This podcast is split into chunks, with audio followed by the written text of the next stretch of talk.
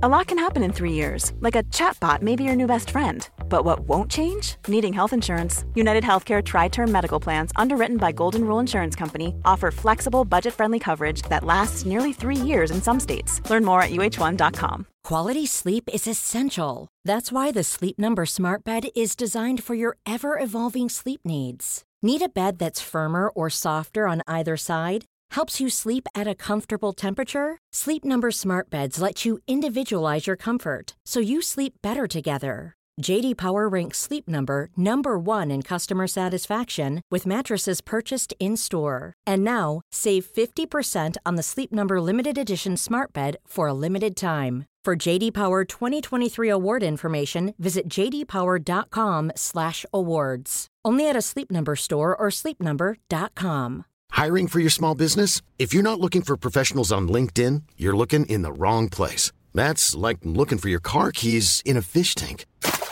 LinkedIn helps you hire professionals you can't find anywhere else, even those who aren't actively searching for a new job but might be open to the perfect role. In a given month, over 70% of LinkedIn users don't even visit other leading job sites. So start looking in the right place. With LinkedIn, you can hire professionals like a professional. Post your free job on linkedin.com slash people today.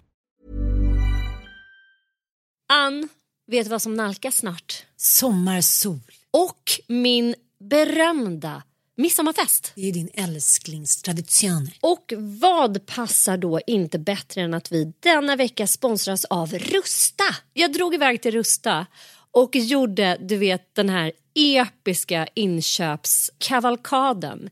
Alltså de har så mycket bord, stolar Dynlådor. och det lampor. roligaste av allt. Ja, lampor, mattor. Det där.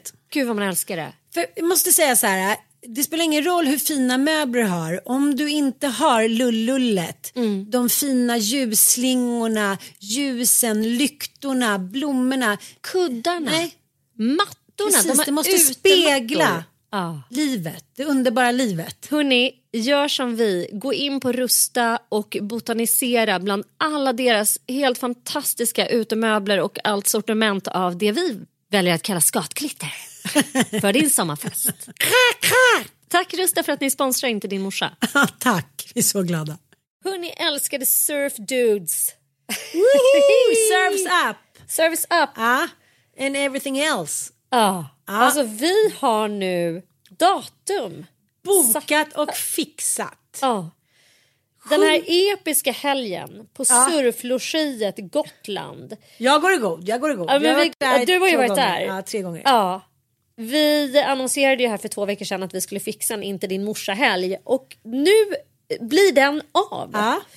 Närmare bestämt den 7 till 9 juni. Och lite snabbt då så kommer det gå till så här. Eh, vi åker, i de som åker från Stockholm åker i samlad tropp. Ni andra kommer få erbjudande eh, att ta ifrån andra ställen. Vi håller på att kolla på det nu, båt, flyg etc. Vi kommer dit till efter lunch. Då börjar vi förbereda inför kvällen. Vi Helgrillat lamm, vi kommer laga lite röror och efterrätt från min och Sannas kokbok som alla såklart får med sig som en liten freebie. Vill man basta så gör man det. På lördag förmiddag så är det yoga. Sen är det lite bad eller om man vill cykla. Det finns väldigt roliga elcyklar där. Efter lunchen har vi en härlig lunch tillsammans. Då eh, har vi föreläsning och workshop. Ditt bästa liv. Vi koncentrerar oss på den kommande sommaren och vi fördjupar oss förstås i medberoendeproblematik som ju har varit vårt största hinder för att hitta det bästa livet. Vad kan man göra för att komma till rätta med det? Hur kan man med enkla verktyg ändå göra ganska stora förändringar och eh, ja, skapa en sommar där man inte så att säga låter sig påverkas av en pissig relation eller av någon annans alkohol eller drogmissbruk. Inre och yttre frihet.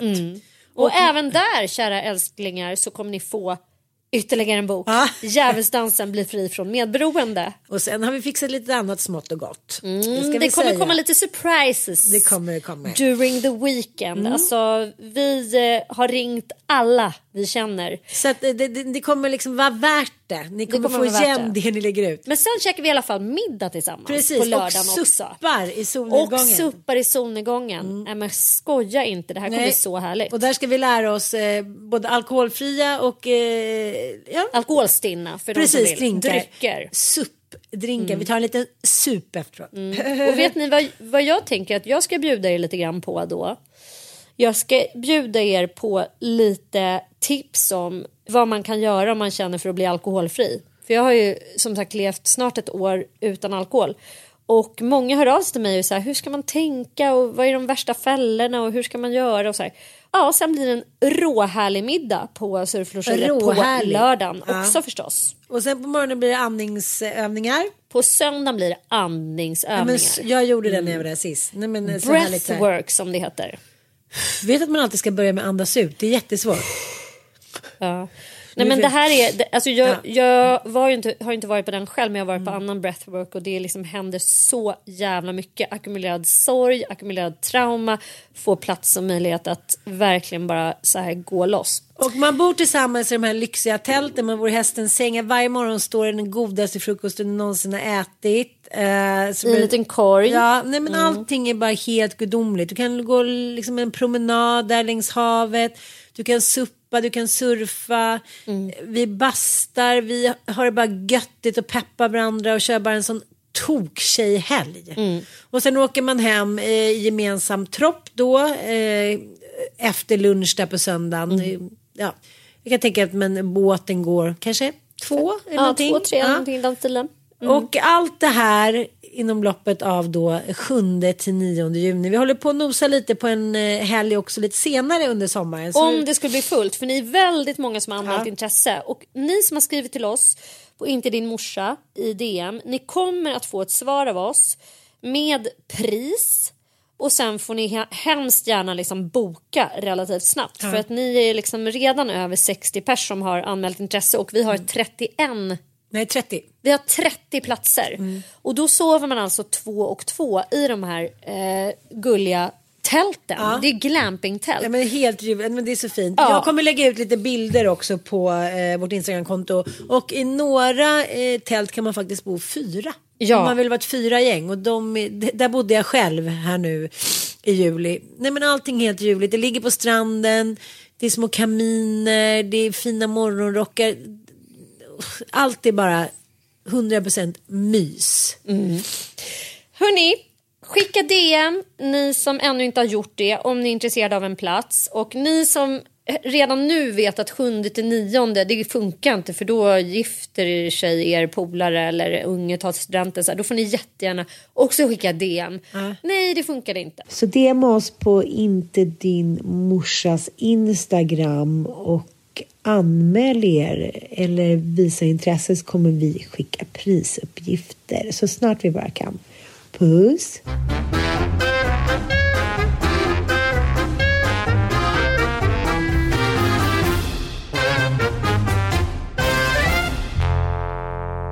Hej och välkomna till Inte din morsa. mitt nya uttryck, du vet, det, är alltid lite modeord. Mm. Tycker så här och du vet, man tänker inte på det men alla bör ungefär använda samma uttryck och fraseringar samtidigt. Mm. Nu har jag börjat använda uttrycket game changer Mhm. och då använder jag det till allt. Ja, Men det ska vi säga nu på helt fel ställe. Ja, det, var helt så här, det var som en game changer för mig. Du är väldigt snabb på att adaptera såna här. Det är som att du sa också helt plötsligt började säga Gud vad sad. Ja. Han bara, eh, är du 12 år gammal? Sär gillar jag också.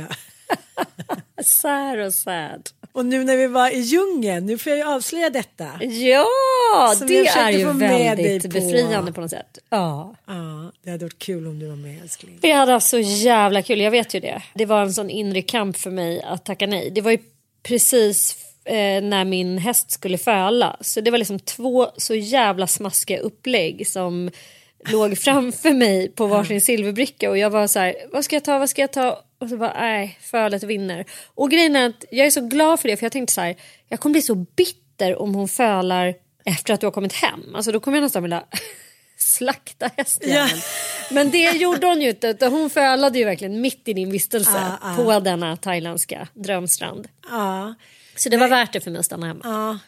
Alltså, jag vet inte om du... Nej.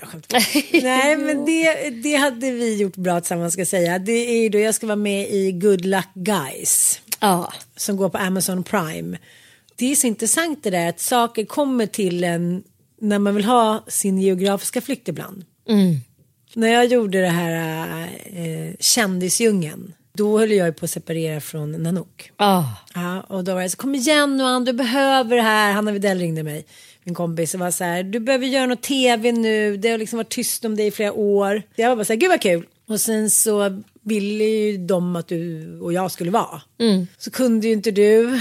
Och sen hängde ju Fi med. He- Ja, helt enkelt Fi. Det var ju helt otroligt kul och det är ju alltid det. Och för mig att så här, få tävla, leka och vara onårbar och bara så här, leva Robinson Crusoe-liv. Klättra upp och leta efter en liten kokosnöt. Kokosnöt. Eh, kokosnöt. Jag trivs ju aldrig så bra som när jag är så där fri. Kan vi stanna lite grann vid det här temat? För att det här är ju per se fulkultur. Att ägna sig åt lekprogram. Det är B och C-kändisar som liksom måste fylla plånkan genom att åka runt och leka och liksom sälja sin själ till djävulen typ. Det är rätt bra betalt i de här, vad heter det, The Island. Ja, jo men det är klart Där att det är. att Men det det är samtidigt så här, du förväntas inte om du heter Sara Danius att åka iväg på en sån där grej. Eller om du heter liksom... Jag tycker det har varit en game changer där senaste åren. Men vilka tycker du som är finkulturella som har åkt iväg på såna här grejer? Ann Söderlund. Nej men jag tänkte The Island. Alltså det, du kan inte hävda att The Island har haft så här högdjur som har varit med. Men om man jämför när så här, Ernst-Hugo Järegård gjorde, vad hette det, post... Eh, banken, postbanken, postbanken. Postbanken. Postbanken, postbanken, postbanken, postbanken, postbanken, postbanken. Postbanken. Det här var liksom mm, tidigt 90-tal och sen gjorde Margareta Krok reklam. Och det här var liksom något, någon så galet att de här två högdjuren gjorde reklam. Och jag kommer ihåg eh, en kille som berättade att han var med under inspelningen och eh, Ernst Järgård kom in. Han sa så här, nu kör vi med sin röst. Så, så, så sa han bara, i en minut sa han bara postbanken, postbanken, postbanken, postbanken. Så sa han, nu är det klart. så gick han därifrån. Och det är en legendarisk reklamfilm. Men det, svänger ju lite också där. Jo, men det, vi har ju verkligen gått in i kapitalismens guldålder där det är helt okej för liksom även så att säga eh, kulturella högdjur att göra reklam. Hej Stig. Syrra? Här är allt sig likt ser jag.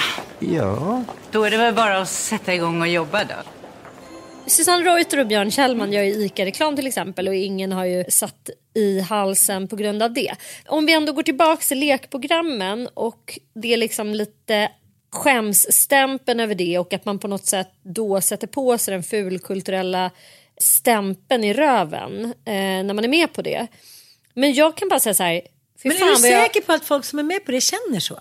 Nej, jag tror inte att de kanske känner så. Jag tror inte de kanske ens har funderat över Nej. huruvida de är fin eller fulkultur eller vad de än gör. De bara knegar på jättemånga Ja, tror jag. precis. Men människor som tillhör högdjuren, de är ju ruggigt medvetna om det. Det är därför de tackar nej till allt sånt. Det är därför de är så nej det, där kan man inte synas. Då har man smutsat ner sitt varumärke och nej, nej, nej. Utan så här, ska du behålla din status som kulturellt högdjur så gäller det att leva en garbolik tillvaro. Det vill säga tacka nej till lekprogram.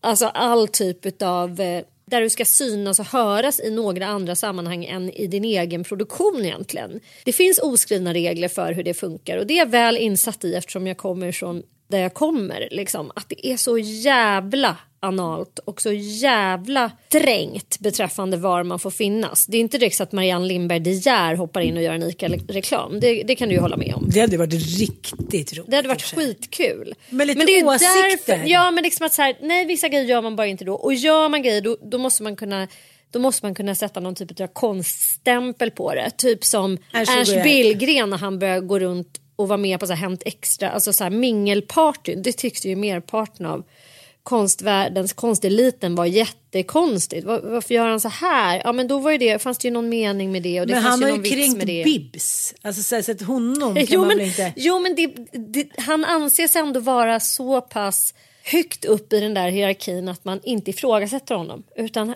någon jävla mening finns det med att han gör den här Bib. sell-out-grejen och inklusive bibs och allt möjligt.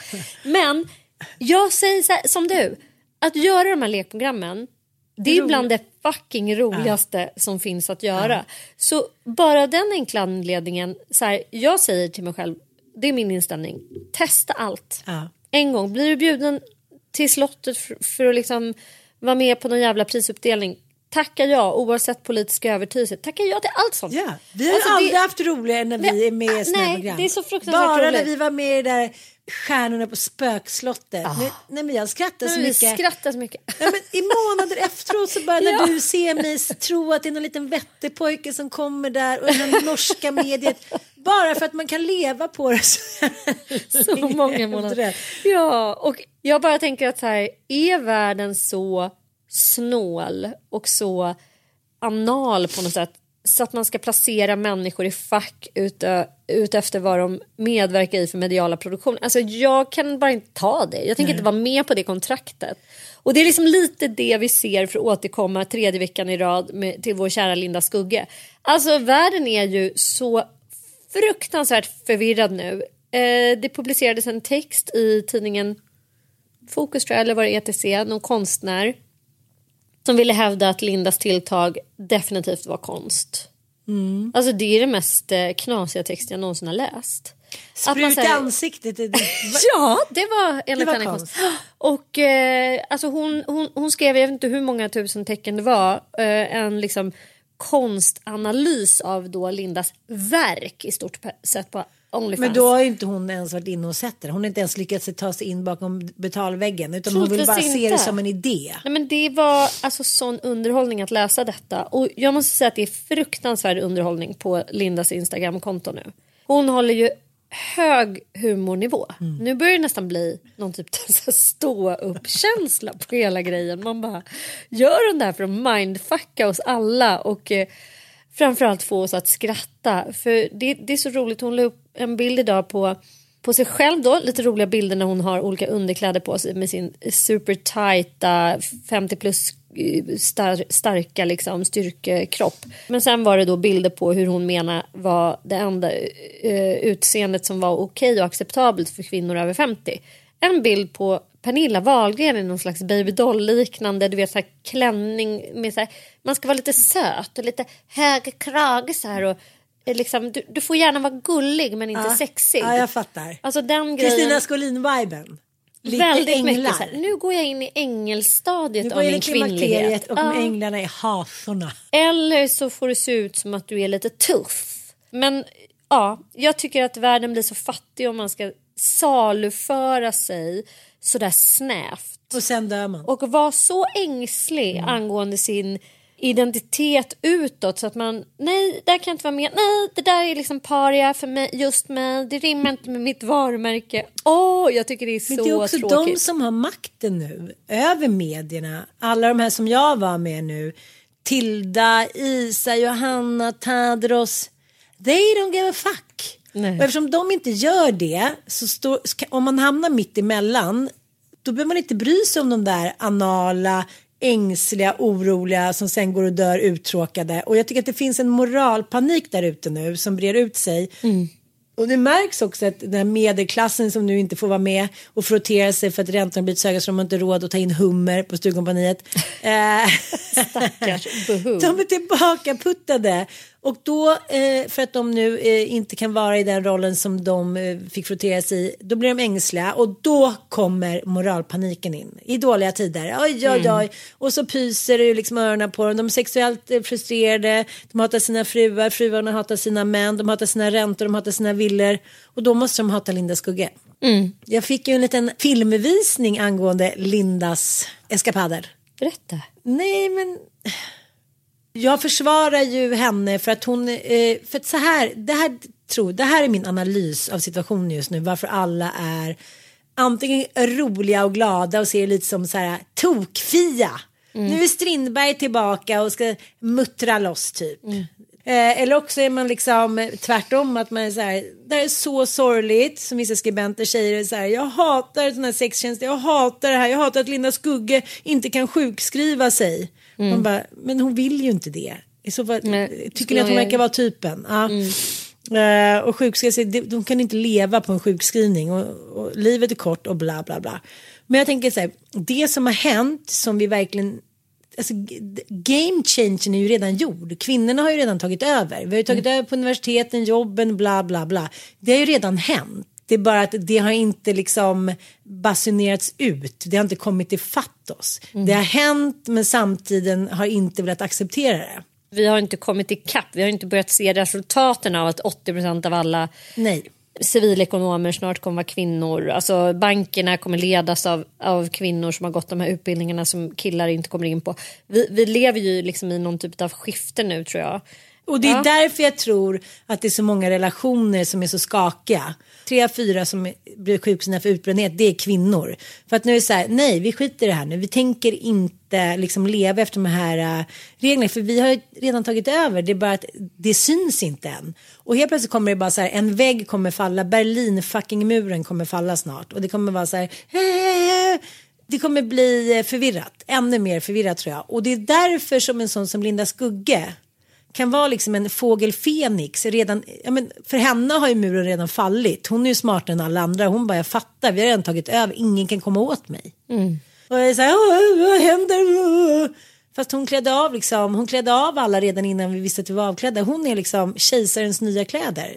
Några år för tidigt kanske. Ja, men det är det Hon bryr sig ju ja, inte. men det var ju det precis Anna Axfors skrev idag i eh, tidningen Kvartal. Hon är ju poet. Eh, ökänd feminist liksom innan folk ens blev feminister och ville kalla sig det. Och 2010 så blev hon, ja, som vi påpekade i förra podden, liksom någon typ av kristdemokrat, supermoral, någon slags morsa som liksom var så här antisexualist. Alltså, nej, men som var nej, någon slags morsa som var väldigt sexualfientlig och hade väldigt hög svansföring. Ja, verkligen så här Ebba Busch Thor-mini typ. Och Men grå, nu- Mm. håret skulle vara grått i kort page. Och det var Och väldigt sen prudentligt. efterföljdes ju hon av de här liksom eh, hemmafru kvinnorna som vi har sett Instagram tas över av. Elsa Billgren, alltså underbara Klara, alla de här som verkligen har klänningarna högt knäppta i halsen om man säger så. Med fotriktiga skor och liksom kläder som osar amish. Okej, men och nu kör hon liksom den här Onlyfans-grejen. Och om man vill se henne som den framtidsspanare hon är så är det lite som det du är inne på. Det här är ju det som håller på att hända. Att folk kommer liksom bara eh, explodera i någon typ av vad är, det vi, vad är det hon vittnar om? Alltså jag tycker det som i, i det här tilltaget jag tycker bara att det är så fruktansvärt synd att hon gör det på Onlyfans så att hon inte bara gör det i, i, i något annat forum. För det jag inte står ut med med de här fotriktiga feministerna det är liksom den här sexualfientligheten. Jag, jag eh, välkomnar ju att en kvinna över 50 får köra en Torvall här och vara så kåt som hon är och så undersökande och så öppen också med det. Att det på något sätt alltid har lagts munkavle på kvinnors sexualitet. Den ska hållas för sig själv och den ska man inte hålla på och skylta med. Antingen är du hora eller så är du madonna och den är så... Man får inte så- låta för mycket. Man får inte låta för mycket, man Nej. får- måste vara kåt på rätt sätt. Man, man, man ska inte vara en man torrfitta inte- men man får Ja. fan inte vara för våt heller. Nej. Alltså den är Lite, så... Oj vad blöt du är. Ja, oj, vadå? Ja. Gill, eh, Oj, vad du, va- du ska vilket- älska att ha sex men du ska inte gilla fler partners. Det finns så många så här... Du ska väldigt- vara rakad men inte hela. För det blir liksom för porrigt. Det är så här män som bestämmer reglerna för hur kvinnor ska vara och se ut. Och Linda Skugge är så här, jag behöver inte det här längre. Nej. Nu gör hon ju sitt lilla konstprojekt på sin Instagram.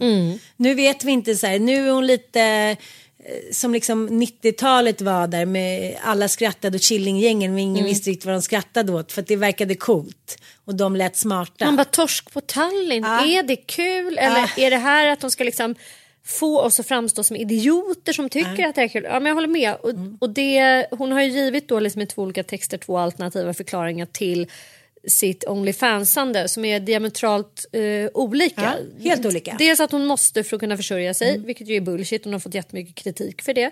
Herregud, börjar jobba som tränare idag på Sats, PT. Jag skrev till henne, bara, gud kan inte du bli min PT? Jag skulle älska att träna med Linda. Hon verkar ju, det går ju bra för henne. Hon vet ju hur man gör liksom. Ja. Hon skulle tjäna hur mycket pengar som helst. Så att liksom att hon måste gå ut på Onlyfans, det, det köper jag inte. Jag hade gärna velat läsa att hon så här, om hennes sexuella frigörelse. Att jag gick in i BDSM-världen och eh, jag älskar voyeurism och jag älskar exhibitionism och jag kan liksom inte se, det här är en, det är en kink för mig att göra det här på Onlyfans. Det hade kunnat vara det mest begripliga för mig. Eh, Inte att det är konst heller för jag tycker också det är så jävla skitnödigt återigen att tänka att så här, bara för att du har skrivit ganska konstnärliga texter och hållit rätt hög litterär nivå. Nej men då ska liksom allt du gör ha den stämpeln eller? Alltså så här, det är klart att du kan vara alltså, städerska samtidigt som du är poet. Och du behöver inte ditt städ vara konst. Nej. Det är liksom, det, då har man ju verkligen en total oförmåga att tänka i två led. Att så här, allt Linda Skugge gör är konst då, eller? Det är bullshit. Det tror jag inte heller på. Utan jag tror mer på den här sexuella frigörelseprylen och det skulle jag gärna vilja höra mer om. Vi får väl Ja. se om det sker. Ja, skriv gärna om det Linda. För så här tror jag. Linda Skugge, det är ingen hemlighet att hon har haft en lång och rörig och medberoende relation med sin man Johan Skugge. Under många år. Det har varit liksom tufft. Hon har kämpat på själv med barn och ekonomi och hus och fan hans moster. Eh, jag vet inte om hon, eh, hur det är nu. Eh, jag har inte hört så mycket om, om honom, vare sig liksom eh, karriärsmässigt eller vad han håller hus. Men sen skrev hon ju sin roman då när hon träffade den här eh, skribenten som hon hade jobbat med på Expressen.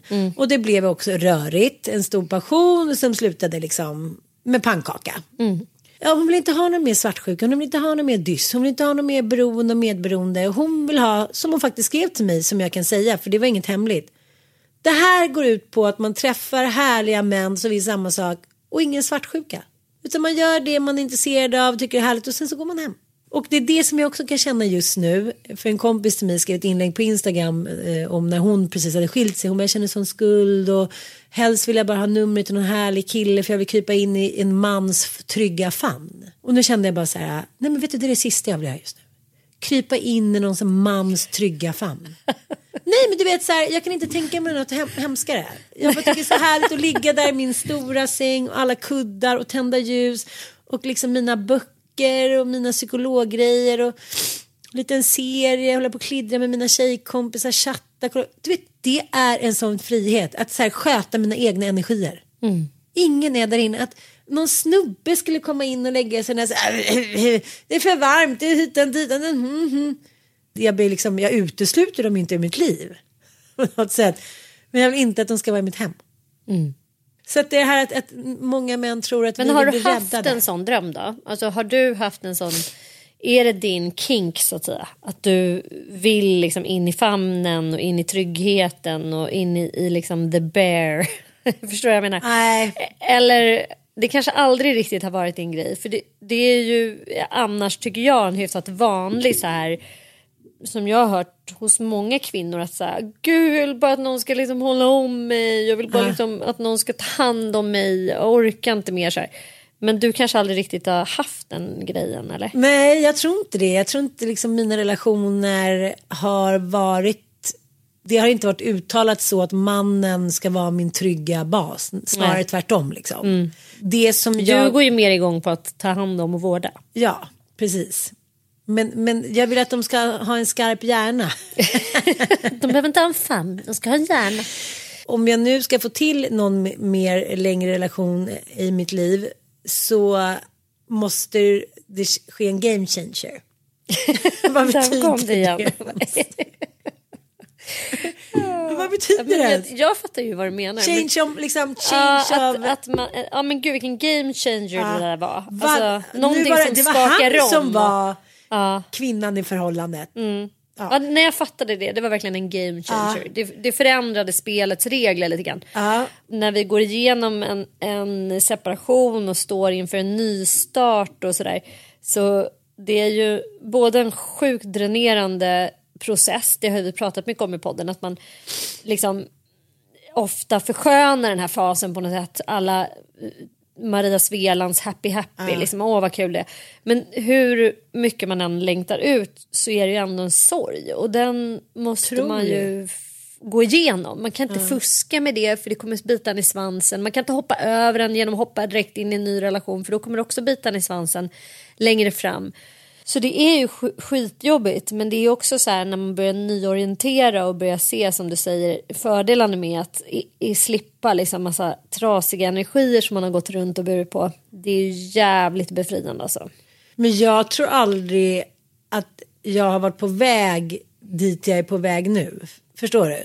Att jag inser att arbetet som måste göras, det är så här vidrigt som det är. Men det som jag kände så befriande i det var när jag läste min kompis inlägg. Det var ju från när hon var nyseparerad. Nyskild för några år sedan. Hon var, du vet så här, jag vet inte hur jag ska ta mig härifrån. Någon måste komma med en liten kanelbulle. Någon måste ge mig telefonnumret till någon härlig man som jag kan ligga. Alltså hon är, det är så nattsvart. Det håller på att tära sönder av skuld gentemot sina barn, mot sin exman. Hon är så här, ja men så som man kan känna, kom och rädda mig bara. Och eh, Eller bara dra tillbaka bandet, jag orkar inte mer. Det här. Nej, varför gjorde, jag varför har jag dragit igång det. det här? Det Nej. känns bara piss nu i alla fall. dumma Ja. hynda. Ja, vad korkad jag är som ville det här så mycket. Och sen så Det var ju ändå okej det innan. Ja, Ja. man visste i alla fall vad det var. Ja. Man var liksom trygg i det. Och jag, varje gång man har gått igenom det här, nu är det andra gången jag gör det, nästan tredje. Även fast jag inte hade något barn med, med, med den första. Så var ändå en lång relation och ni Ja. hade ändå satsat och bodde ihop och sådär. Ja, och när jag liksom tyckte att jag kanske inte heller eh, riktigt förstod hur liksom dystert det hade varit. Så är jag bara, när jag kommer ihåg när man är mitt i det. Och den här processen har ju också varit längre än det har varit tidigare. Och jag bara känner så här, då kommer jag ihåg liksom mina de där råttdagarna när man så, gick omkring i samma hus och bara så här, jag klarar inte en dag till, vem kan hjälpa mig, vem kan jag ringa, vem finns det där? Alltså det är så förtvivlat hopplöst.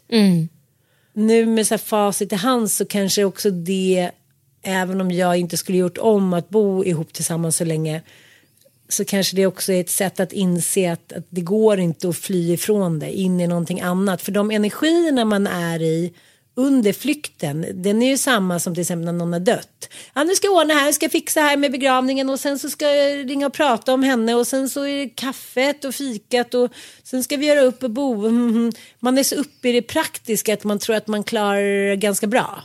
Och sen så är det så här, poff! in i den svarta väggen och då kanske man redan tror att man har kommit vidare en bit. Och så går de här processerna fram och tillbaka och det tror jag också är väldigt vanligt. Jag pratar om det nu om ni vill läsa en intervju med mig på motherhood.se som är här på Aller. Jag kände att jag inte riktigt var där än och pratade om min separation men så tänkte jag att jag kanske ändå kan ge lite tröst. Det handlar om att man är så oftast kvinnor och män på olika ställen i processen. Att kvinnor tar mycket längre tid på sig att fatta beslutet.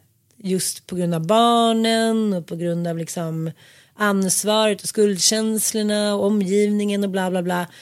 Så att man är ganska ofta långt före männen. Eh, och sen så när de kommer i fatt och då är de på det stället där man kanske var åtta månader tidigare då i ilska och förtvivlan och eh, anklagelser. Och då är man själv liksom lite på andra sidan. Så det är ju ett evigt liksom plogande om man ska säga. Och det är det som är så sorgligt för män mår ju så bra i relationer och kvinnor mår ofta ganska dåligt efter ett tag. Det är Och lämnar då. Det är så jävla hemskt att Men det är alltså, så. förstår att vi Ja. inte kan kommunicera. Att vi inte ens kan kommunicera det. Nej, men att sitter där och tycker att allt är tipptopp.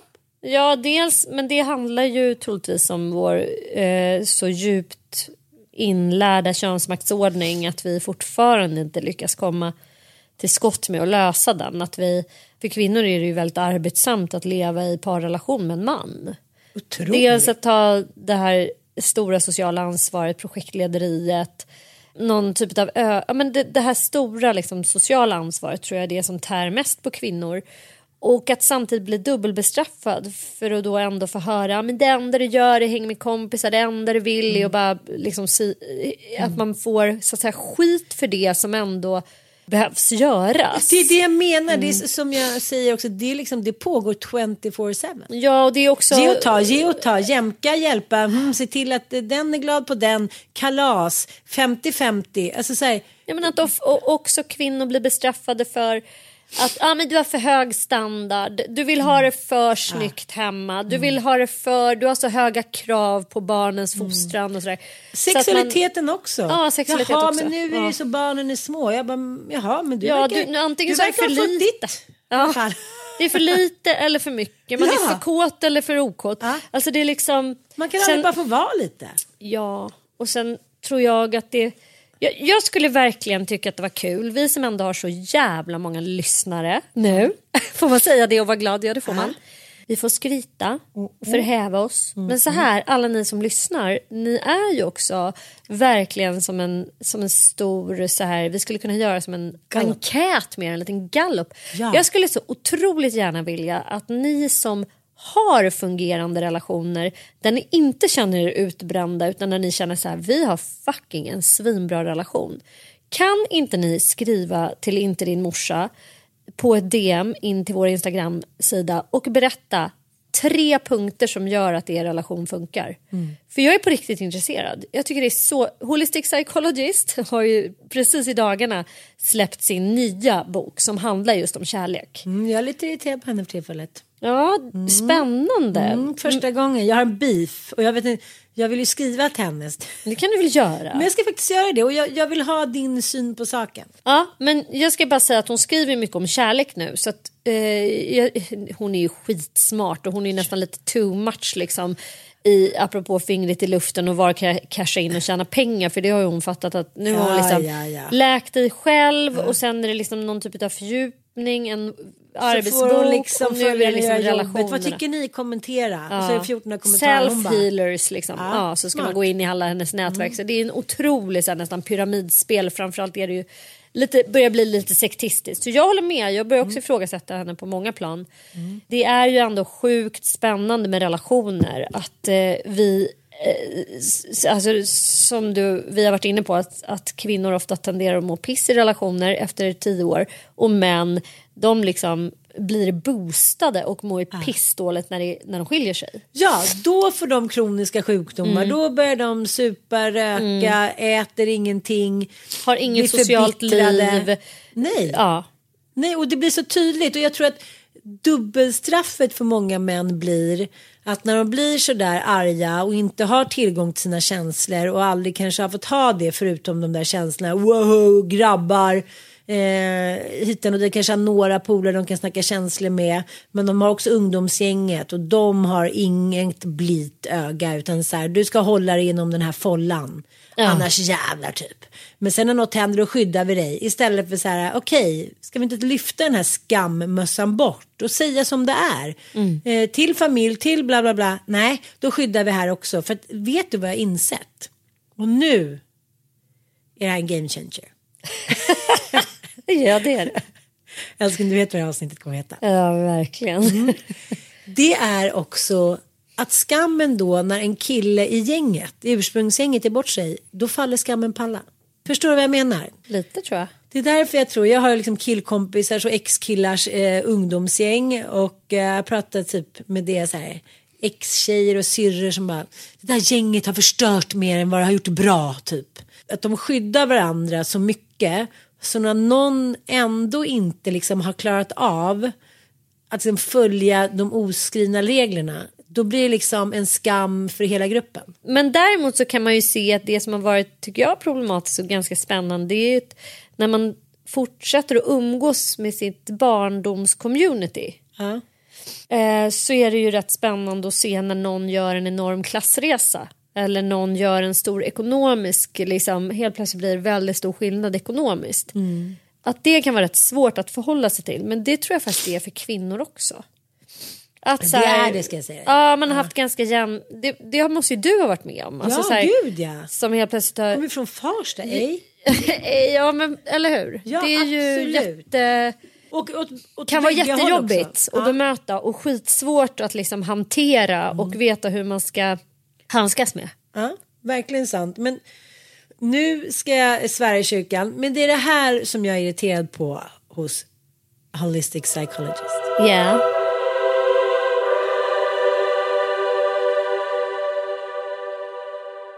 Nej, men jag läser ju hennes bok nu, eh, Läk dig själv.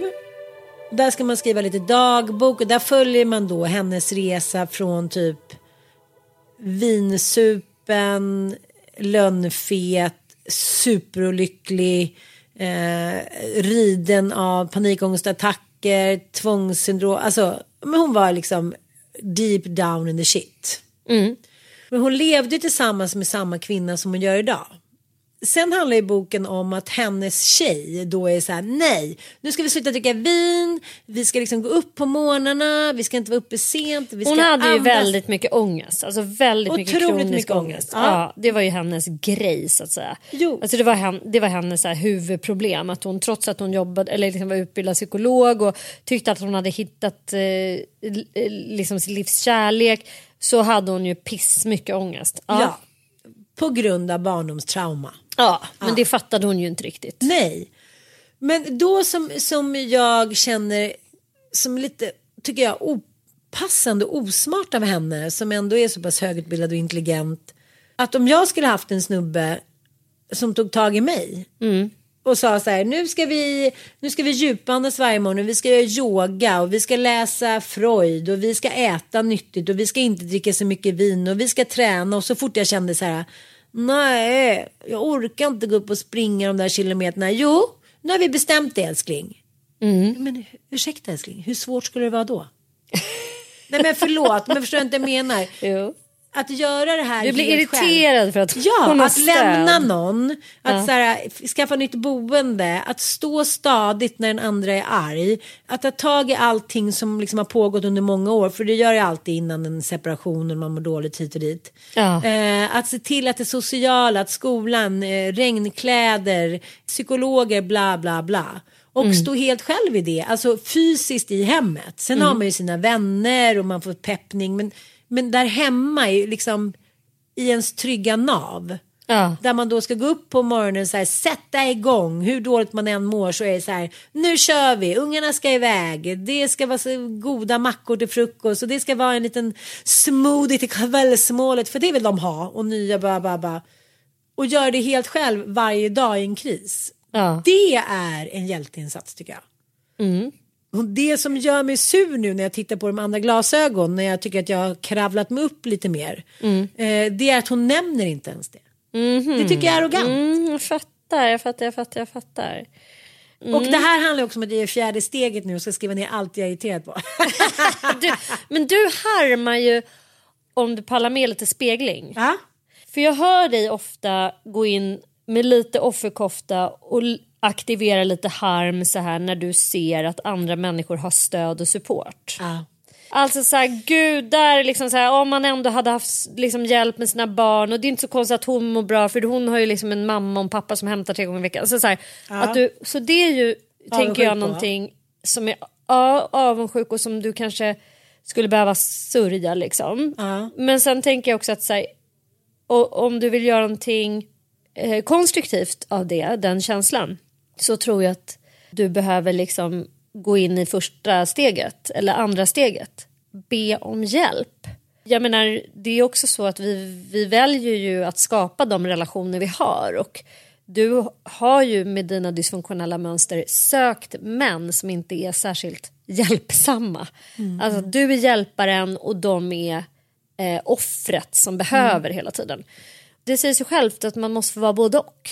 Alltså när någon faller då vill man ju ha en partner som liksom står där och bara nej men nu får jag hugga i, jag måste hjälpa dig. Eh, ska vi liksom köra lite self-healing soundboard här nu? Alltså, förstår Har du? Har du Har det? man i- ja men det måste jag säga för det kan man ju tro att Micke är liksom en jättebehövande person. Och jag hade nog tänkt att han verkligen var sån. Och jag har tänkt många gånger så här, tänk om jag skulle få bröstcancer eller något. Alltså det, där skulle inte, det här skulle inte vara, Eh, funkar funka då. Alltså jag skulle vara helt ensam. Men jag eh, omprövade det helt när mamma dog. Alltså han var ju helt eh, fantastisk. Liksom. Alltså där fick jag slå mig själv lite på fingrarna. Att så här, man kan ha föreställningar om människor och tro saker. Och, som egentligen handlar om att så här, det var också första och enda gången tror jag som jag verkligen så här, tillät någon annan att kliva in. Alltså det fanns inte möjlighet för mig att ta hand om den där situationen själv. För det där är intressant, om vi stannar där. Det är också i de här stegen nu när jag gör min rannsakan. Så är det så här, ja men liksom känslomässigt otillgängliga män. Bla bla bla bla. Men så är det så här, hur mycket har jag låtit dem komma in då? Det handlar ju de relationer som vi söker om att vi söker spegelbilder. Det är inte bara så att man letar efter någon som ska komplettera en och svara an på alla ens behov utan man letar ju oftast efter någon som är ganska lik en. Därför att man känner sig själv och det är någonting som känns bekant där eller någon som har lite liknande mönster i ens egna anknytning. Det finns det ju hur mycket forskning på som helst. Jungis. Ja. Jungis. liksom, och Bowlby och liksom att så här, våra kärleksrelationer de grundas, alltså mönstren bakom dem när vi är pytte, pyttesmå. Och det ser jag jätteklart att mina män är väldigt lika den känslan som jag hade inför min mamma. Och det handlade, och sen har jag ju också känt stark attraktion till så här enormt avvisande män. Ja, det har ju den, inte jag gjort. Den stark, nej men du hade ju en pappa som var, var alltså, Tillgänglig. Ja. Ja, och känslomässig och så här. Men jag har ju de som jag har inlett långa relationer det är ju män som faktiskt har älskat mig. Och jag har känt mig väldigt älskad. Jag har aldrig känt mig avvisad eller det har aldrig varit det som har drivit. Men sen har jag haft enormt starka såna här passionsdraman med snubbar som har varit så avvisande. Alltså det är rätt eh, spännande. Det är typ de jag som jag har upplevt starkast så här, attraktion med. Men berätta lite, för det med avvisad det har jag ju aldrig gått igång på. Nej, men jag tror att det är så här, dels är det en så här, eh, jakten i en som drar igång, som vi kickar på, att vi utser någon typ av byte och sen så börjar jakten att omvända den här personen. Alltså det är ju någon typ av dopamin-high som är helt sjuk. Som jag jag upplevt det. Alltså när jag gick på gymnasiet och satt liksom i ett och ett halvt år med någon jävla snubbe som gick i någon klass över. Ja, fråga Sofia om allt det här. Det var så vansinnigt. Alltså, och han höll på och var så retsam och vi satt och pratade i telefon varenda kväll i timtals men ändå så var han liksom så här. Jag hade ingen aning om vad den här killen ville. Alltså jag var helt emotionellt besatt av honom. Hela min vakna tid ägnade jag bara åt att fundera över. Du kunde inte plugga. Jag kunde inte plugga, jag, kunde inte, jag var helt ointresserad av att åka ut till min häst. Alltså det, det var verkligen en så här drogkänsla. Så det var den första sån där. Och sen hade jag ju en sån snubbe, du vet vem jag menar. du känner honom. Men liksom, som jag också var så här, vi höll på med någon konstig katt och råtta-lek i, så här, i fem år. Var det så länge? Ja, för det var ju under hela relationen mer eller mindre med Ville. Alltså så här, han fanns där i Ah, ja, ja, periferin, ah. dök upp när man minst anade. Nej, men liksom så, här, så jävla mindfucking upplevelse att vara helt så här. Ja, jag vet inte hur jag ska beskriva det. Ja, men mer kan än att det är som någon slags drogliknande Men upplevelse. Det är inte förälskelse, känslan. det är inte passion. Men Nej. det är liksom någon, någonting kemiskt som går igång i att försöka få någonting som är så väldigt oklart. Men jag kan ju ha den där, men jag, vi är två helt olika jägarinnor. Ja. Jag vill jaga. Eh, jag vill Nedlägga byte. Ja, och sen ska den så här, med, typ, resa sig upp och gå efter mig. Typ. Och om inte hen gör det, då blir jag först lite så här sårad. Så här. Sen blir jag typ sur. Och sen jag viftar av det och tar nästa Ja, byte. ja. Men du är liksom lite mer lejon där. Ja. Som bara så här, äh, det gick inte med den här gnun, jag tar nästa. Nej, men det där skulle jag liksom aldrig nej, orka jag, med. nej men det här är ju jätte, ur ett så evolution, ev, ev, evolutionsmässigt perspektiv så är det ju urkorkat att bara bli kon, totalt besatt av någonting som Men är det omöjligt. är ju hormonellt. Du vet ju de här männen som man bara så undrar varför står han bakom mig och känner så här om han inte kysser mig nu så då måste jag typ dö. Mm. Eller döda honom för att så här, det finns inga alternativ och det, det läser man ju ofta så här take it easy with your hormones. Så här, vad är du nu i Mm. Är ditt din stadie? cykel, det är så här feromer som gör att man blir helt Ja men det är up. ju så. Ja. Det kan jag se så tydligt att liksom fortfarande så är det vissa män som jag har träffat första kvällen och bara känt så här, nej men jag kan liksom inte förklara. Jag går egent- egentligen inte igång utseendemässigt. Jag, jag går liksom inte igång på någonting mer. Det är någonting med deras energi och mina feromoner och då är det så här då kan jag liksom inte heller vara rent eh, så här, okej, tänka dagen efter, men kanske hade ägglossning eller liksom ägglossningsmannen. Eller så kanske det var så, eller så kanske jag har mens, eller så är jag bara lite nidig. Utan då är det redan klart för mig. Då är mitt byte nedlagt. Då är det det jag vill ha. Men, men där kan jag känna igen. Och, men i min Klantigt. värld, liksom, när man upplever den där starka kemiska dragningskraften till någon faktiskt. För det tror jag man kan Nej, den förklara är sjuk. med. Ja, den, men är sjuk. Och den Men då kommer ju på en jag- tiondels av sekund. Ja, men då, då tänker jag ju att alla funkar som du och jag. Att nu är det klart, nu ska vi gifta oss och skaffa barn. Problemet med de här avvisande snubbarna det är att de har en sån fucked up anknytningsmodell. Så att när man då är så här, hej baby det är du och jag nu. De är så här, då lägger de bara på luren, stänger igen dörren, bunkrar in sig. Alltså de tycker det är så hotfullt med någon som är så bekräftande och så på. Så då blir ju svaret iskyla, vilket då obviously bara triggar någonting i mig som går in i besatthet. Då handlar det inte om kemi längre utan det handlar ju om den här känslan av en mix av avvisning som är så vidrig så att man måste liksom då återupprätta sitt eget värde genom att få de här personerna att liksom Du fattar inte. uppleva det här. Du förstår inte. Du, har är, liksom, du, du är inte med. Snacka om game changer. Att så här, vi var ju överens om här nu att vi hade liksom feeling. Vi men låg nu, ju. Vi låg ju. Verkligen. Ja men den där, jag är en del i mig kan vara så här, fy fan undrar om man kommer få uppleva en sån där galenskap igen. Eh, men jag kan säga att 99,9% av mig är så jävla färdig med det. Jag vill inte ha det där i mitt liv. Jag vill inte vara high on avvisning någonsin mer. Aldrig. Nej, jag och jag, är så här, jag kan nästan vara rädd för hur det där drog iväg med mig typ under ett år. När man bara, jaha, året 20... Du vet, alltså, så. Man, vad gjorde jag då? Nej, jag var besatt.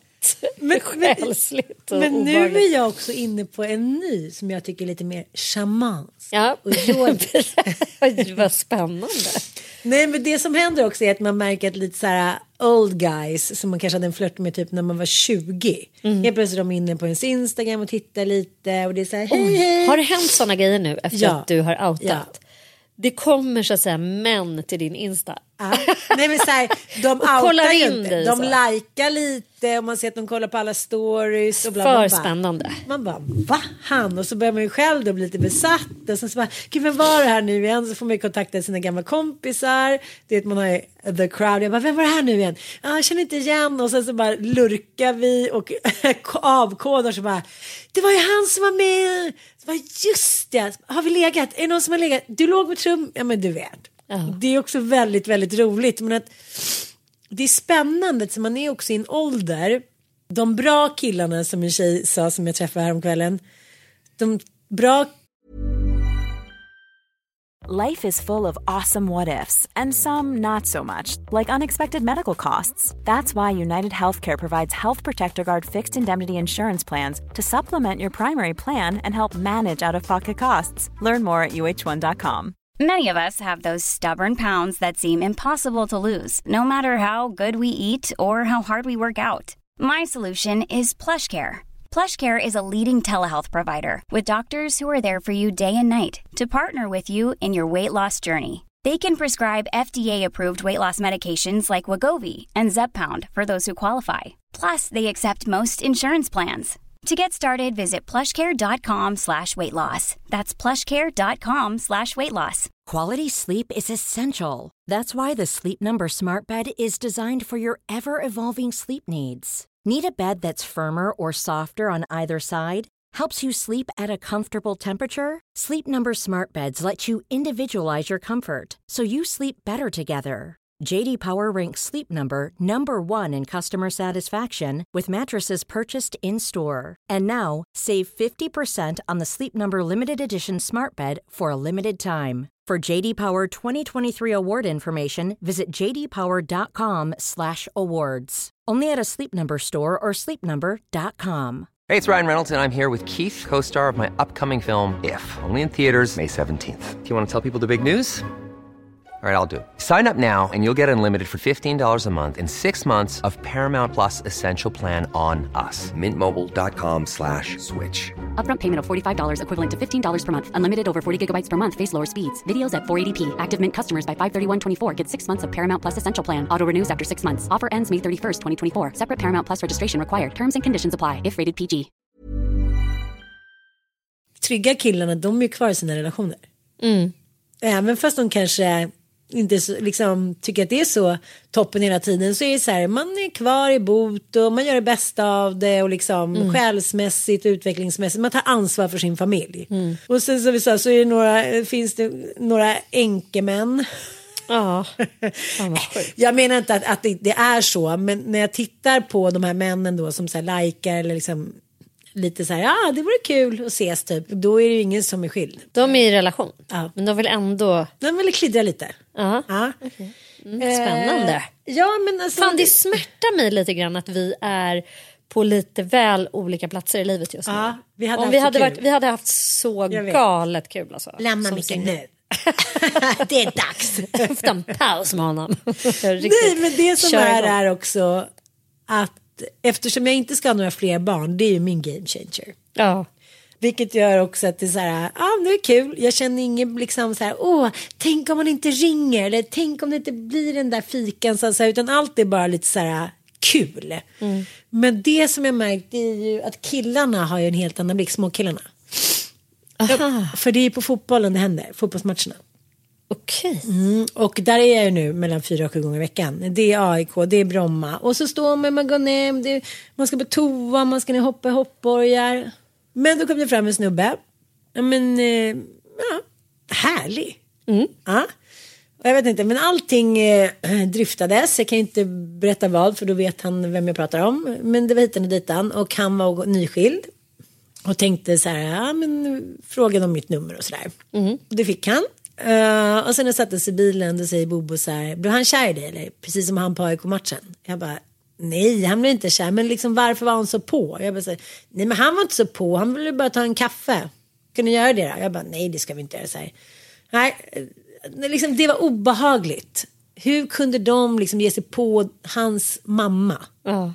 Och på förra matchen då var det en som sa, vill ni ha något killar? Då var ju både Dante och Frasse och Bobo med. Oj. Killar kan man bjuda på något Coca-Cola? Nej vi dricker inte läsk. Jag bara, nej. De vill inte ha någonting. De är svartsjuka. De är svartsjuka. Ja, de var så här, "Vad- kom inte och ta Nej, min vet, de mamma. kollade på honom Ja. som så här nyförälskade liksom tonårskillar kollar på så här motståndare. Det var så här. Ja. Något som katten har Ja, släpat bara, in. det, var, bara, liksom, det var en helt annan blick. Ja. Det var så här, det var så här, nu blir det krig typ. Men har jag berättat för dig när jag fick mitt kanske livs enda hysteriska alltså ilskeutbrott? Ditt livs enda. Ja, nej men alltså när jag liksom låg och skrek så här, som du tänker en treåring i en affär som inte får godis. Nej, jag har sett det var arg. Men då ska jag snabbt eh, berätta om det. Och för det här var liksom opassande sent i mitt liv. Närmare bestämt när jag var 14 år och borde kunna hålla koll på mina känslor. Men mamma hade ju varit singel från pappa då i fem år och mamma hade inte dejtat någon eh, som vi, vad, vad jag kände till i alla fall. Det hade ju däremot min pappa. Han hade ju hunnit gifta om sig och få till barn och flytta till Skåne och liksom hela den biten. Så mamma var ju vår trygghet och våran primära vårdnadshavare eller vad man ska säga. Och vi hade då varit med pappa några veckor den sommaren och så kom jag tillbaka och mamma var så här väldigt uppsluppen och glad som bara förälskade människor är. Och jag kopplade inte det utan jag tänkte bara vad roligt att hon verkar må bra och haft det kul när vi har varit Äntligen. borta typ äntligen. Inte så sad. Nej. Eh, men då skulle hon dra med mig upp till fjällen. Vi skulle hälsa på min moster och hon ville att vi skulle göra en resa bara hon och jag. Och det, det lät så mysigt alltihopa. Och vi begav oss upp då. Då bodde ju min moster där och min mormor. Eh, så vi beger oss upp dit. Och ganska snart fattar jag att hon har inte åkt dit för att umgås med mig inte. Utan hon har ju... Jag är förklädd. och jag är så här, jag kan skratta så jävla mycket åt det nu för det, hon var ju precis i den åldern jag är i nu. Ja. Alltså, hon var lite småkåt på någon kille som hon hade träffat som jobbar på någon fjällhotell där och ville liksom åka upp dit, slå två flugor i en smäll. Hon ville säkert umgås med mig också. Hon vill också knulla. Men ja, så hon försvann iväg på kvällen och drog till Storlien. Och sen dagen efter så skulle hon och jag rida och då var hon så här, skulle ha ett litet, det lilla snacket med mig. För hon var så här, ja, alltså jag måste berätta, jag har börjat dejta en, en man här uppe. Han jobbar på Storliens högfjällshotell. Eh, och jag skulle så gärna vilja att du träffade honom. Och då, liksom jag blir på riktigt helt galen. Jag tror jag till och med kallar henne hora. Alltså jag var så här, det, alltså jag, jag blev liksom helt, det var ett sånt rage-utbrott. Där jag grät, jag skrek, jag tyckte hon var äcklig som hade bjudit upp mig som något jävla förklä och hur fan vad sjuk i huvudet du är och det är så jävla äckligt och Alltså vad gör jag här? Nej men jag var så opassande och jag bara låg och skrek i ett rum uppe hos min moster. Och då kom min morbror in som inte har några barn själv och eh, som aldrig har liksom aldrig hade ja men vad ska man säga tagit i. Tagit ton. Någon, tagit ton eller gjort någon typ av så här låtsasfarsaplikt för han var ju väldigt nära min mamma. Men då stegade han in där i rummet med den starkaste stämma. Nu ska du låta Barbro ha lite kul som hon inte haft på flera år. det var liksom... du och sprattlade. Där låg jag och skrek. Så att liksom att Bobo och Frasse visade liksom lite, lite så här svartsjuketendens och, och nekar en cola. Det, Det är ingenting. det är ingenting. De drack inte läsk, man bara klipp till. Kan vi få läsk, kan vi få läsk, kan vi få läsk? Kan vi få läsk? Men hur de bara kul. så här, okej. Dels nu är vår familj hotad. Mm. Det är fortfarande så här, kommer du, kommer du sluta vara kär i pappa någon gång? Sa Frasse igår. Jag bara, jag bara gud, de tror verkligen. Att ni ska bli ihop. Ja men de vill ju det de som Kristdemokraterna eller ja, hur som helst. Men att de bara så här. Särskilt han på AIK-matcherna för han var lite mer liksom.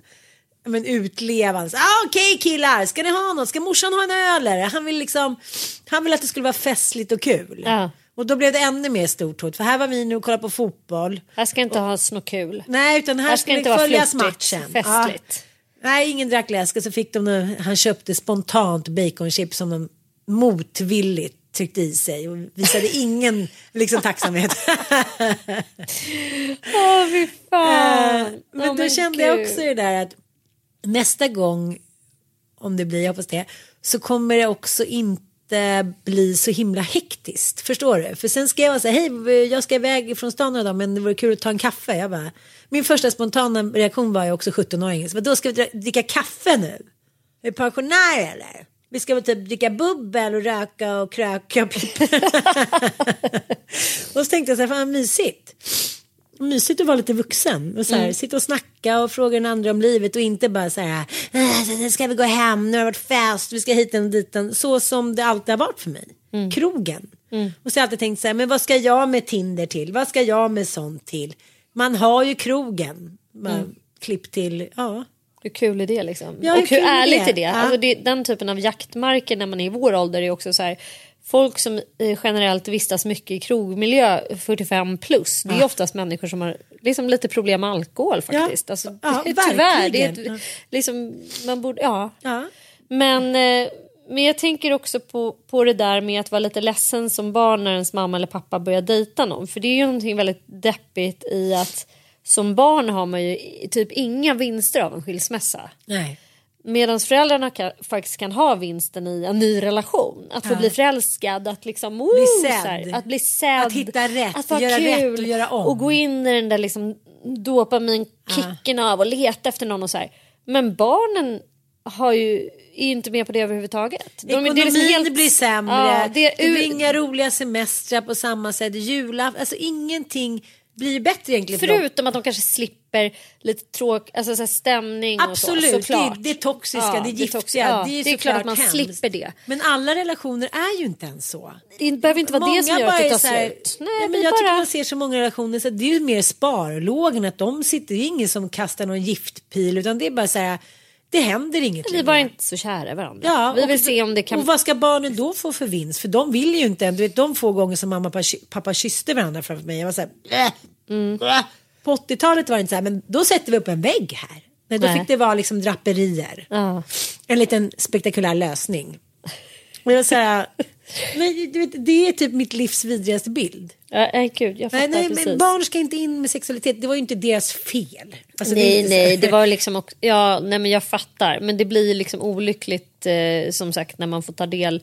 Och det är ju någonting i oss tror jag, för jag funderar mycket på det där apropå eh, Linda Skugges liksom, undersökande av sexualitet. Att så här, vad är moralism och vad är naturligt och hur ser egentligen mänsklig drift ut när kulturen inte kväser oss och när könsmaktsordningen inte kväser oss och när när samhällets så att säga, kulturella ramar skapar sexualitet åt oss? Finns det någon så ursprungssexualitet? Någon typ av tantra? Och där tänker man ju sig så här, eh, två hundar eh, och lite valpar i olika åldrar, det är ingen som bryr sig, de knullar bara på. Det är ingen som verkar tycka att det är särskilt otäckt eller obehagligt. Det är inte så att en hundvalp blir traumatiserad av att se sin morsa bli påsatt. Det gäller ju alla djur. Det är inga andra djur som, Vad förutom människor. sköldpaddor kan ha riktigt De, de måste ha liksom en chamber för sig själva. De bygger sin sexkammare så att barnen ska slippa se. Men det är ju nå- liksom lite udda eh, med mänsklig sexualitet att vi eh, inte vill se våra föräldrar. Men jag börjar fundera över liksom om det inte är ändå en så här medfödd att vi absolut inte får bli inavel när det gäller människor. Att det Jag är också någonting- det. För att liksom att man är så här, aj gud det, det är någonting som, som är så vedervärdigt, alltså så här. Känns- Jag kommer ihåg att jag som sagt började gråta att se mina föräldrar kramas. Alltså jag tyckte det var så här, åh liksom. Kramas? Ja, till och med, nej, men liksom, som hade en sexuell vibe. Ja, jag liksom. fattar, jag Och jag fattar. såg var så Lite här, vad gör ni? Ja. Och så ser man så här, något litet äckel i hans blick. Så här. Och han är fem år. Jag tror inte att kulturen har kreerat det här hos honom. Nej, han har ju levt väldigt i sin egen lilla värld. Han lever ju helt gården. isolerat alltså på gården. Nej, liksom, Han har det jobbigt. har Du har isolerat honom älskling. Nej jag fattar, nej jag håller med. Utan jag tror precis som du säger. När pappa säger, när, det var ju mammas och pappas roligaste lek. Anson rädda mig. Det har jag också skrivit på min lista. Att, ja, irritation och harm. Nej men grejen är att jag fattar att det var en rolig lek för dem. Att jag sprang in på riktigt med andan i halsen och så trodde att jag skulle rädda mamma från typ rape and plunder när pappa så här rädda mig pappa försöker pussa mig typ. Ja. Du, sluta pappa, sluta pappa. Och det var just det där att jag jag tror att det har lite med min ADHD att göra också. Att jag vet inte riktigt vad som är verklighet och vad som inte är verklighet. Mm. Att du Finns inte en- kan Ja. den här sociala koden Ja. riktigt av... Ja, och Ja. det finns en bild också när det är midsommarafton och pappa liksom bär mig som ett åbäke, jag kanske är fyra år och syrran är fem och står bredvid och är så här, hmm, garvar lite så här vuxet. Och jag skriker. Jag skriker som en jävla galning och gråter för att han har tagit Åsas eh, midsommarkrans. Då tyckte han att det var kul såklart. Och jag förstår hela det där, liksom, att vi kanske inte var så medvetna då att det är roligt att så här, göra humor med barns känslor. Men det är inte det. Det är inte ett dugg roligt för att vi vet inte. Vi, vi ville bara liksom, vi ville bara att vår klan ska må Men bra. vänta, om för- du var så där liten då kanske inte hade med ADHD att göra. Det kanske bara hade att göra med att du liksom utvecklingspsykologiskt inte var där. Att du kunde avgöra huruvida, alltså små barn har ju svårt med ironi och... Jag tyckte det var orättvist Alltså, så här- att han skulle ta hennes liksom midsommarkrans. Jag trodde hon blev ledsen och det där har jag ju i mig att jag så här, ska rädda olika situationer som jag bara ställer till. Nej men att jag har tidigt haft den där känslan i mig och det märker den har Frans också. Rättspatos. Ja, det ska inte mobbas, det ska inte vara orättvist. Vet du vad hen sa då? Då försökte jag säga det och igår berättade om en kompis som hade sagt då på, eh, på lektionen att jag har kissat på mig. Han, han återkom till det hela dagen hur modigt han tyckte att det var att han hade sagt det. Och han skulle säkert säga om han hade bajsat på sig också. Han var liksom, hade ingen skam. Han tog bort skammen från det. Och då sa jag så att vet du, det är det bästa man kan göra. Att inte känna skam för saker som man inte kan rå för. För kissa på sig, det gör ju även vuxna och släpper en liten korv i brallan då och då. Liksom. Ja, men det, det är ingenting som man växer ifrån och istället för att skämmas för det så säger man det bara på det sättet. Och då sa han det, då applåderade jag, sa Frans. och det var ingen annan som gjorde.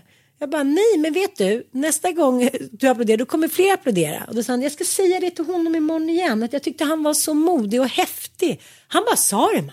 Så gullig. Det Fy så fan, gullig reflektion. Ja, och så sa han verkligen. också så här, det är mycket funderingar nu.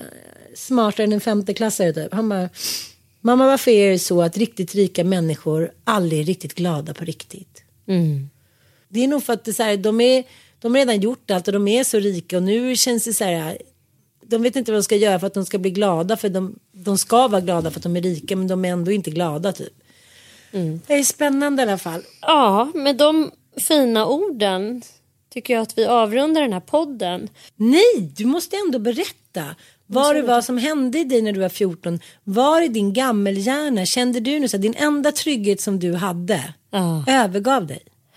Ja, men jag tror att så här, inramningen var ju den att min pappa på något sätt hade, liksom, jag tror att i min värld eh, kändes det ju som att han hade övergivit oss eftersom han hade flyttat ner till Skåne, skaffat en ny fru och ett nytt barn som vi Ja, inte hade hade så mycket att göra. er? Ja, så, så det var liksom min take på det. Men sen tror jag också att jag var livrädd just att mamma skulle träffa någon ny. Därför att jag hade ju sett hennes relation med pappa.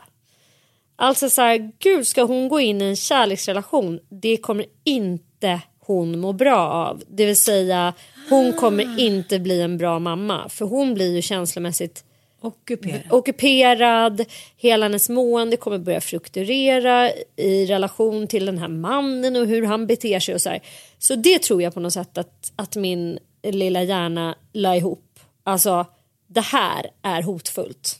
Och Så du tappade det snabbt? Ja, det var liksom så här, nej det här får inte ske. Och jag tror också att det var den där känslan att jag kände mig lurad. Förd bakom ljuset. Att så här, hur kan du äh, säga att vi ska åka upp på en resa tillsammans. Och också det där att få åka själv med en förälder. Det var ganska ovanligt. Alltså mamma tog inte med mig på några så här ensam grejer riktigt. Eh, Det blir så när man har många barn. Det är svårt att få till det. Liksom. Jo.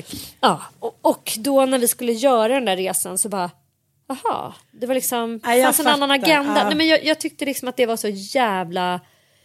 Och sen hade vi generellt en jävligt så här, sårig relation i mina tonår. Det måste jag säga. För att mamma var ju väldigt sjuk eh, efter skilsmässan i sin bipolära sjukdom.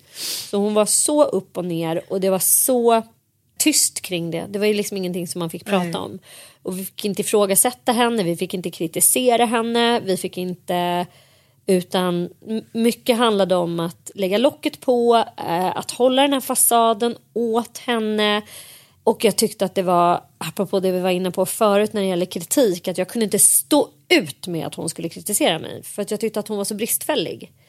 Och då skulle hon försöka börja sätta lite gränser för mig när jag var tonåring och var så här, du får inte komma hem förrän senare än 23. Man var bara så här, håll käften jävla kärring. Du som är så här, ligger full i två veckor och käkar piller och liksom är så här helt totalt fucked up. Så ska du komma och tala om för mig hur jag ska bete mig. No fucking way.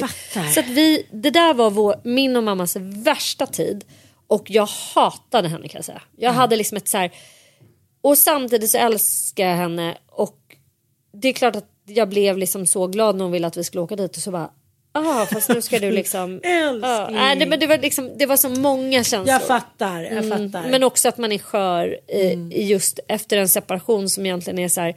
Alla barn är ju små KD-are som vill att eh, den här paradisets eden som man föds in i, i den här liksom, vad ska man säga, den här gyllene triangeln eller den här eh, treenigheten mamma, pappa, barn någonstans och så kanske dyker upp lite syskon men det är ändå mamma, pappa, barn. Alltså det är väl treenigheten. Det är väl därför vi har stirrat oss blinda på den i, i kristendomen och liksom så. Fortsatt. Ja, fortsatt. Alla kan förhålla sig till den och det är på något sätt det här ouppnåeliga paradisiska som man upplever i liksom mamma, pappa, barn kontakten. Men skit i det. Eh, jag blev arg och hon, det roliga var ju att mamma då slutade dejta den här mannen. så hon lyssnade ju liksom på den där ilskan. Hon var så här, oj det här var inget bra. Det kan ju, vara, kan ju ha haft massa andra anledningar att han dumpade henne eller vad fan som helst. Men, men eh, hon åkte aldrig mer upp till Storlien i alla fall och dejtade honom. Så var det med den saken. Ja. Så då fick du som du ville otacksamma unge. Ja, det fick Ja. jag. Men innan vi avslutar Inte din morsa Just så det. vill jag passa på att göra li- lite reklam för min hästyogaverksamhet.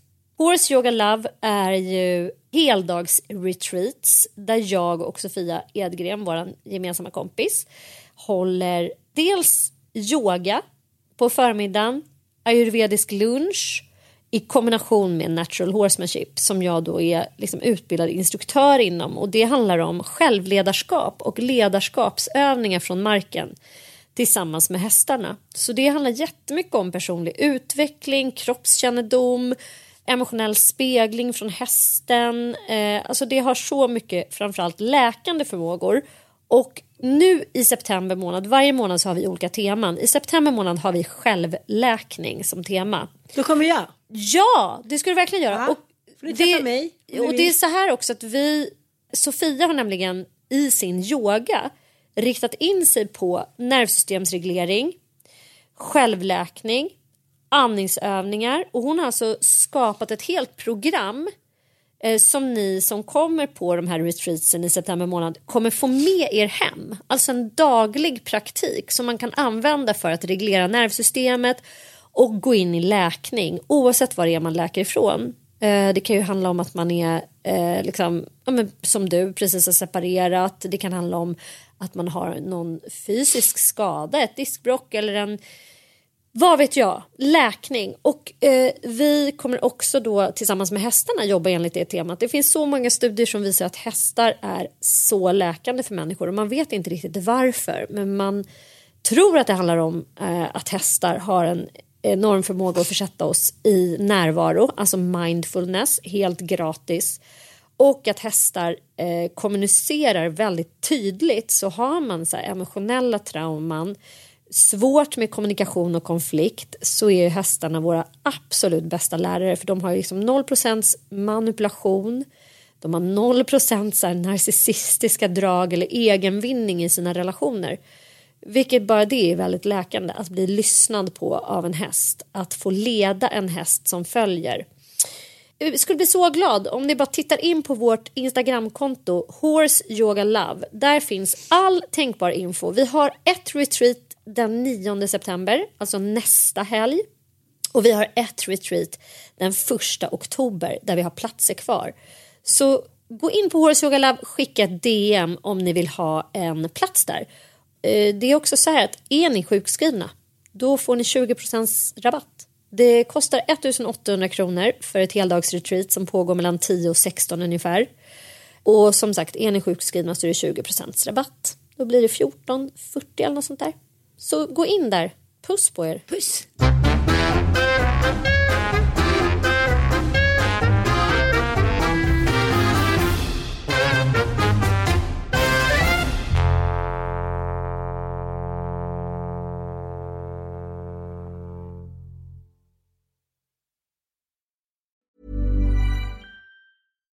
Hi, I'm Daniel, founder of Pretty Litter. Cats and cat owners deserve better than any old fashioned litter. That's why I teamed up with scientists and veterinarians to create Pretty Litter. Its innovative crystal formula has superior odor control and weighs up to 80% less than clay litter.